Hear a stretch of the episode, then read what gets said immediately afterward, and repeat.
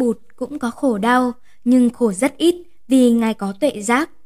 Bụt khi đã thành bụt rồi vẫn khổ đau như thường, vì như lúc đệ tử của ngài bệnh nặng rồi chết, ngài cũng buồn khổ chứ.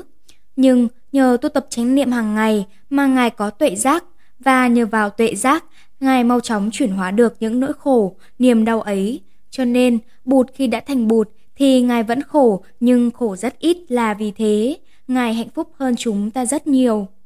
Nhà báo Hoàng Anh Sướng Ngài là một trong những đại thiền sư nổi tiếng nhất thế giới, dùng pháp môn chánh niệm để xoa dịu, chuyển hóa nỗi khổ, niềm đau cho hàng triệu người trên khắp thế giới.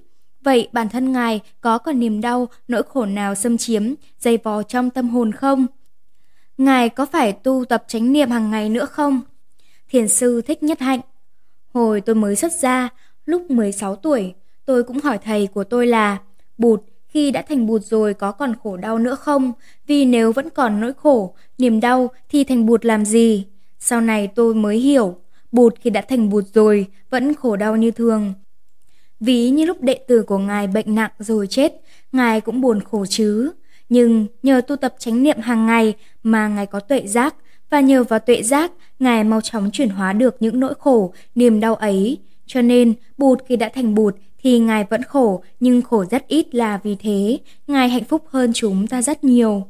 Nhà báo Hoàng Anh Sướng Có một điều vô cùng đặc biệt là mỗi khi có dịp ngồi gần thiền sư, tôi cảm nhận thấy rất rõ một nguồn năng lượng bình an, tươi mát luôn tỏa dạng quanh Ngài, khiến cho những căng thẳng, sợ hãi, lo âu, hờn giận trong tôi dịu lại và tan biến.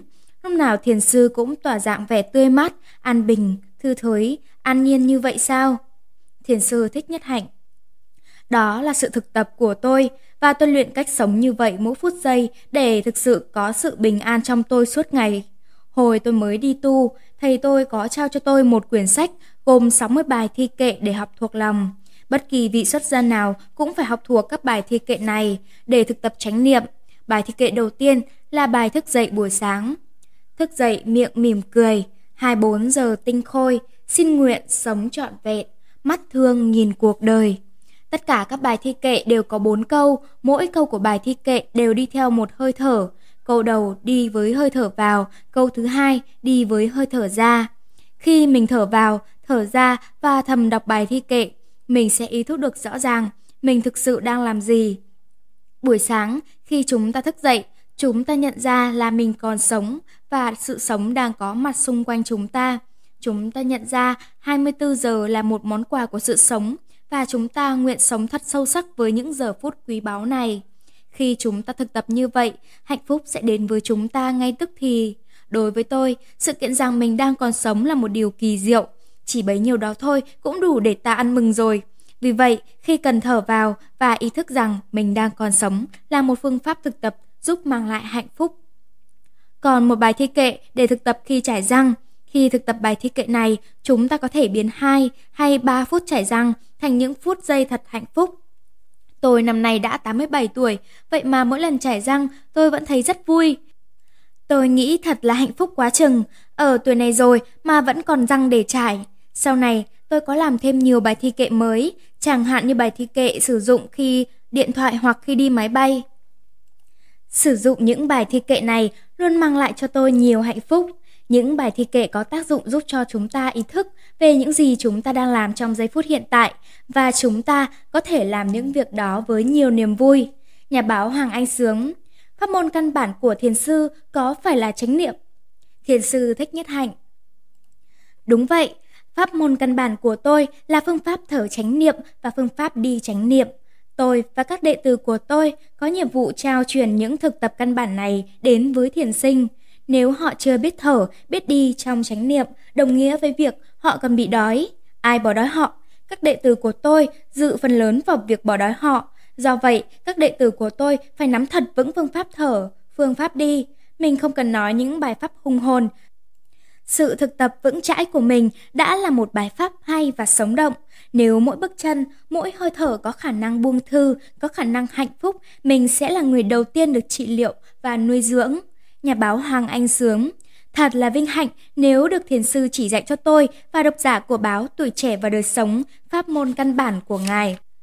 Thiền sư thích nhất hạnh, tôi rất sẵn lòng. Nhà báo Hoàng Anh Sướng có lẽ xin được mở đầu bằng phương pháp thiền, một trong những pháp môn căn bản của làng Mai cũng như của đạo Bụt. Trước tiên, xin Ngài hãy giải thích thiền là gì. Thiền sư Thích Nhất Hạnh Thiền nói cho đầy đủ là thiền na. Tuy vậy, người ta thường ưa nói tắt nên họ bỏ chữ na đi mà chỉ gọi là thiền thôi. Tiếng Phạn là Dhyana, có nghĩa là suy nghĩ, quan chiếu, chăm chú vào một đề tài, cho nên các tổ ngày xưa đã gọi thiền là tư duy tu. Tư duy ở đây có nghĩa là suy nghĩ, thường chúng ta sẽ nói thiền không phải là suy nghĩ. Tuy vậy, gốc của chữ thiền lại có nghĩa là suy nghĩ. Vấn đề đặt ra là suy nghĩ cách nào và tư duy ra làm sao. Nhà báo Hoàng Anh Sướng, như tôi được biết, chữ thiền còn có rất nhiều nghĩa. Thiền sư Thích Nhất Hạnh. Theo sự giải thích của các tổ, thì chữ thiền có nghĩa là quán chiếu về một đối tượng. Đó là nghĩa đầu tiên, tức là mình lấy sự vật nào đó làm đối tượng và mình nhìn vào nó. Nghĩa thứ hai cũng tương tự như vậy, mình đến rất gần, mình tiếp xúc rất gần, mình nhận xét rất gần đối với đối tượng đó và đối tượng đó thuộc về thế giới hiện tượng. Có thể từ thế giới hiện tượng đó, mình đi sâu vào thế giới của bản thể. Ví dụ như là đợt sóng. Khi mình quán chiếu đợt sóng một cách rất gần gũi thì mình khám phá ra được rằng bản chất của sóng là nước. Nghĩa thứ ba là loại trừ. Trong thiền tập, mình có chủ tâm loại trừ những chất liệu, những yếu tố làm cho mình khổ đau, nó làm cho mình đen tối, nó làm cho mình mờ ám, bất an. Nghĩa thứ tư, trong thiền tập, tâm ý của chúng ta được định lại trên một đối tượng, nhờ định lực đó mà chúng ta có sức mạnh, và với sức mạnh đó, chúng ta đốt cháy được những phiền não. Hình ảnh gần nhất mà chúng ta có thể dùng là hình ảnh của một thấu kính hội tụ tiếp nhận ánh sáng của mặt trời. Tất cả những tia nắng mặt trời sau khi đi qua thấu kính hội tụ thì tụ vào một điểm và nếu chúng ta đặt một bông cỏ đúng vào tiêu điểm đó thì sức nóng hội tụ của ánh sáng mặt trời có thể đốt cháy được cái bông cỏ đó. Thành ra, trong thiền tập, nếu chúng ta có định lực hùng hậu thì ta có thể dùng cái định lực đó để chiếu vào trạng thái hôn mê, phiền não và những trạng thái hôn mê, phiền não đó có thể bị đốt cháy. Đó là một ý nghĩa rất khác của thiền tập do chư tổ đưa ra. Thiền còn hàm chứa nghĩa dừng lại và làm cho buông thư. Sự dừng lại và buông thư được gọi là thiền chỉ. Trong sự thực tập, nếu chưa có khả năng dừng lại và buông thư thì mình không thể đi xa hơn, bởi không thành công thiền chỉ, khó có thể nhìn sâu, thấy rõ bản chất của các hiện tượng thiền quán. Nhà báo Hoàng Anh Sướng Tại sao sự dừng lại, buông thư lại quan trọng đến vậy trong thiền, thưa thiền sư? Thiền sư Thích Nhất Hạnh Mỗi người đều có sẵn hạt giống rong ruổi, tìm kiếm. Chúng ta không thể ở yên được. Hạt giống này chúng ta được tiếp nhận từ tổ tiên. Sở dĩ mình không dừng lại được bởi vì mình thiếu buông thư. Không buông thư được, những căng thẳng trong cơ thể bị dồn nén. Và yếu tố trầm tĩnh của đời sống mất đi. Nếu thực tập vững vàng phương pháp thở và đi trong chánh niệm, mình sẽ dừng được sự chạy đua. Lúc ấy, sự buông thư và niềm an lạc sẽ lập tức có mặt nhà báo Hoàng Anh Sướng. Và ngồi thiền chính là cơ hội để ta thực tập dừng lại hoàn toàn. Thiền sư Thích Nhất Hạnh. Đúng vậy, khi ngồi, chúng ta sử dụng hơi thở có ý thức để hỗ trợ cho việc dừng lại ấy. Dừng lại được là bắt đầu có chủ quyền đối với thân và tâm của chính mình. Ngồi thiền trước hết là dừng lại và buông thư. Nếu trong khi ngồi mà phải đấu tranh, phải gồng mình và xem việc ngồi thiền như một lao tác mệt nhọc, thì đó chưa phải là cách ngồi thiền đúng. Khi ngồi, tư thế phải thật thoải mái, lưng thẳng nhưng buông thư. Và khởi sự thực tập theo kinh quán niệm hơi thở. Thở vào, tôi ý thức về toàn thân của tôi. Thở ra, tôi buông thư toàn thân và mình đem cái tâm đi vào cái thân. Cái tâm của mình chỗ nào cũng có cái thân hết, tức là tâm đầy trong thân. Giống như việc mình ngâm đậu xanh với nước ấm vậy. Đậu xanh được ngâm trong nước ấm một hồi, nước sẽ thấm vào trong hạt đậu, hạt đậu sẽ nở ra gấp 3, 4 lần ban đầu. Sở dĩ cái thân khô héo là bởi vì cái tâm không thấm được vào trong thân. Nếu muốn cái thân được tươi mát, được thấm nhuần thì phải để cho tâm đi vào trong thân. Lúc ấy, thân của mình sẽ không còn là một xác chết nữa, thân của mình sẽ trở thành một thực thể linh động. Vì tâm được thấm vào trong từng tế bào, tức là cái thân đầy cả tâm, trong khi ngồi thiền, mình làm như thế nào để thân của mình đầy tâm mà tâm của mình cũng đầy thân? Khi thân và tâm hợp lại với nhau, mình thật sự có được những phút giây sống sâu sắc. Thiền là một phương pháp thực tập và nếu thực tập đúng, mình sẽ có hạnh phúc liền.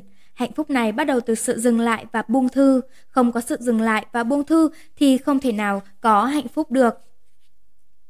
Thiền là phương pháp thực tập đem lại hạnh phúc tức thì. Tập ngồi thiền trước hết phải học cách dừng lại. Đầu tiên là dừng lại những hoạt động của thân, kế đến là dừng lại những hoạt động của tâm. Trong khi ngồi thiền, trước hết ta để ý tới hơi thở. Thở vào, thở ra chậm, sâu, nhẹ và chú ý đến tác động của hơi thở vào bụng và ngực.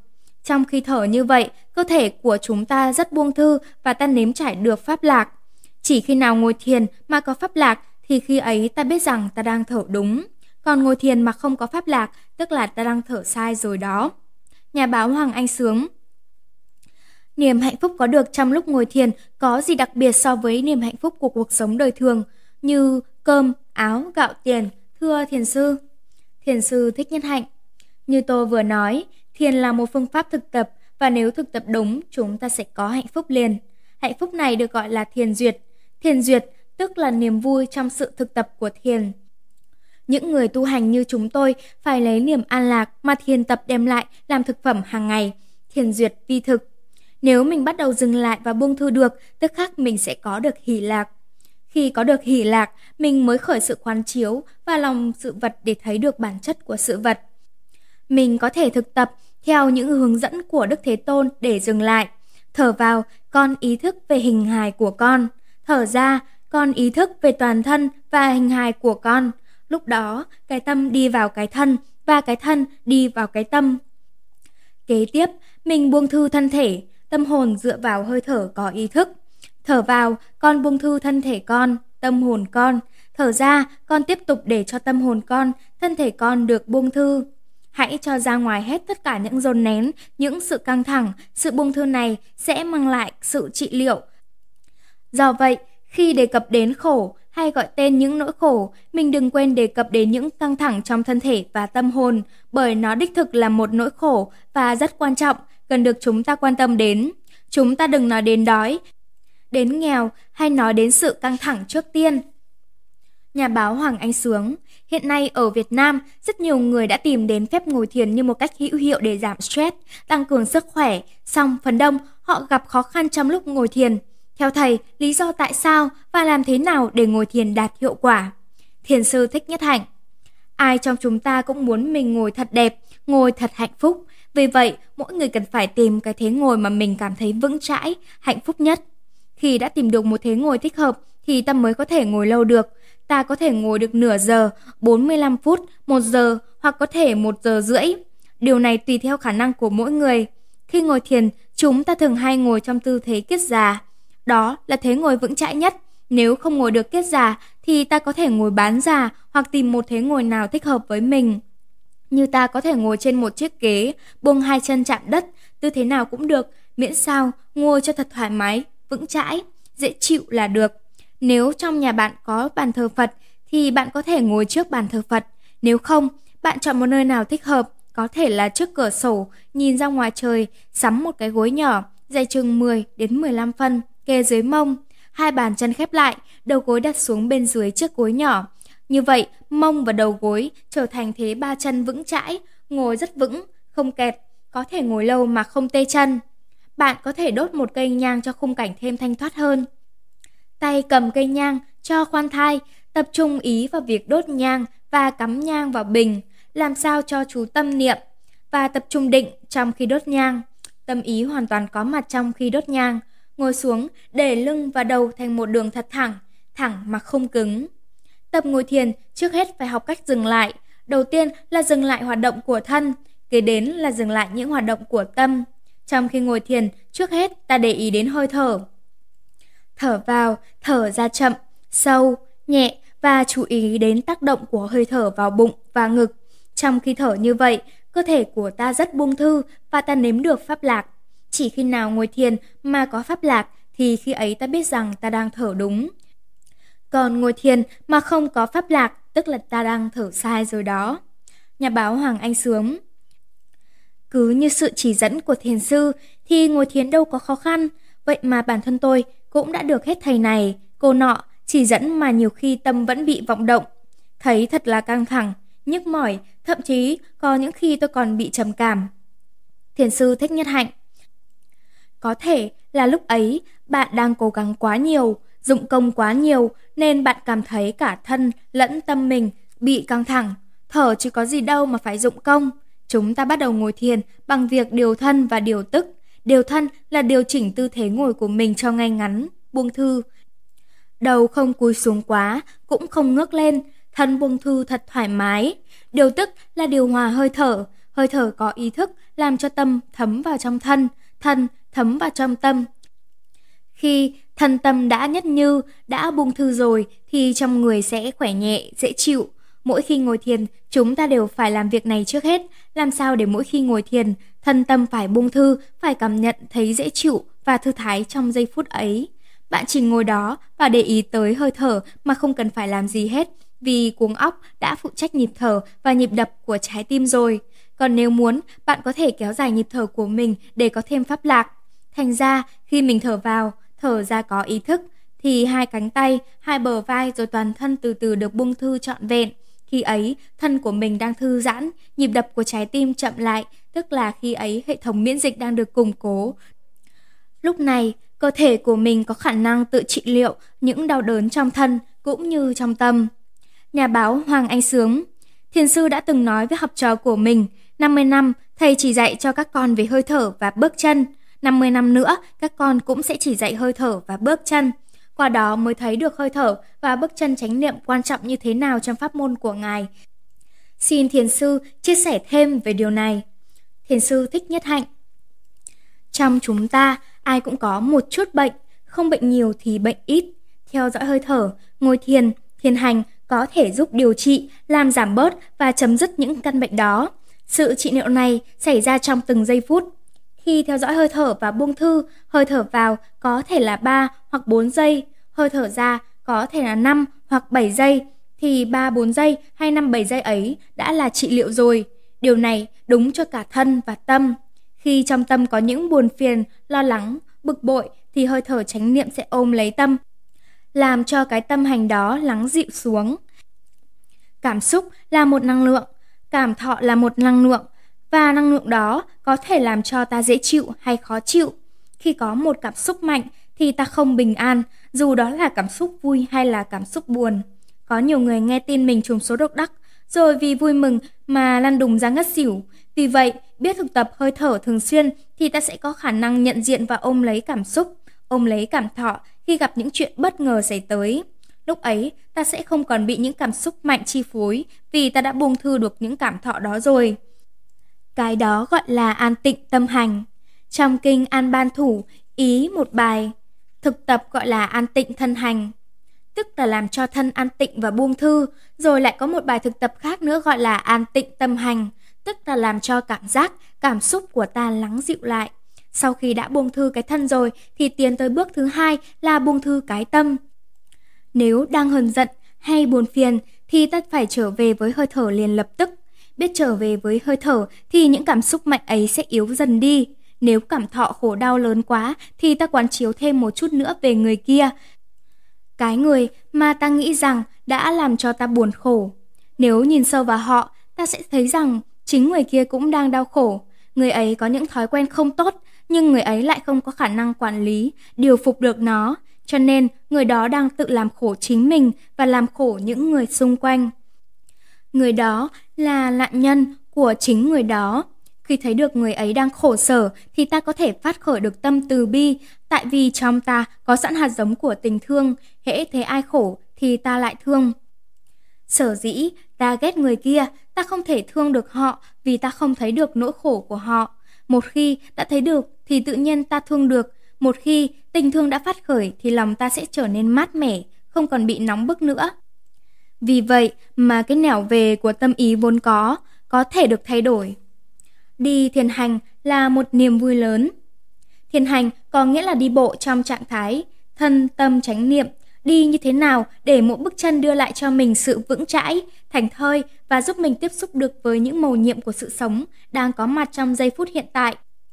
Khi đi, ta tiếp xúc với mặt đất một cách chánh niệm, mỗi bước chân định tâm trong giây phút hiện tại đó cho ta thêm vững chãi, niềm vui và sự thanh thoát, thoát khỏi những tiếc nuối trong quá khứ và lo sợ cho tương lai.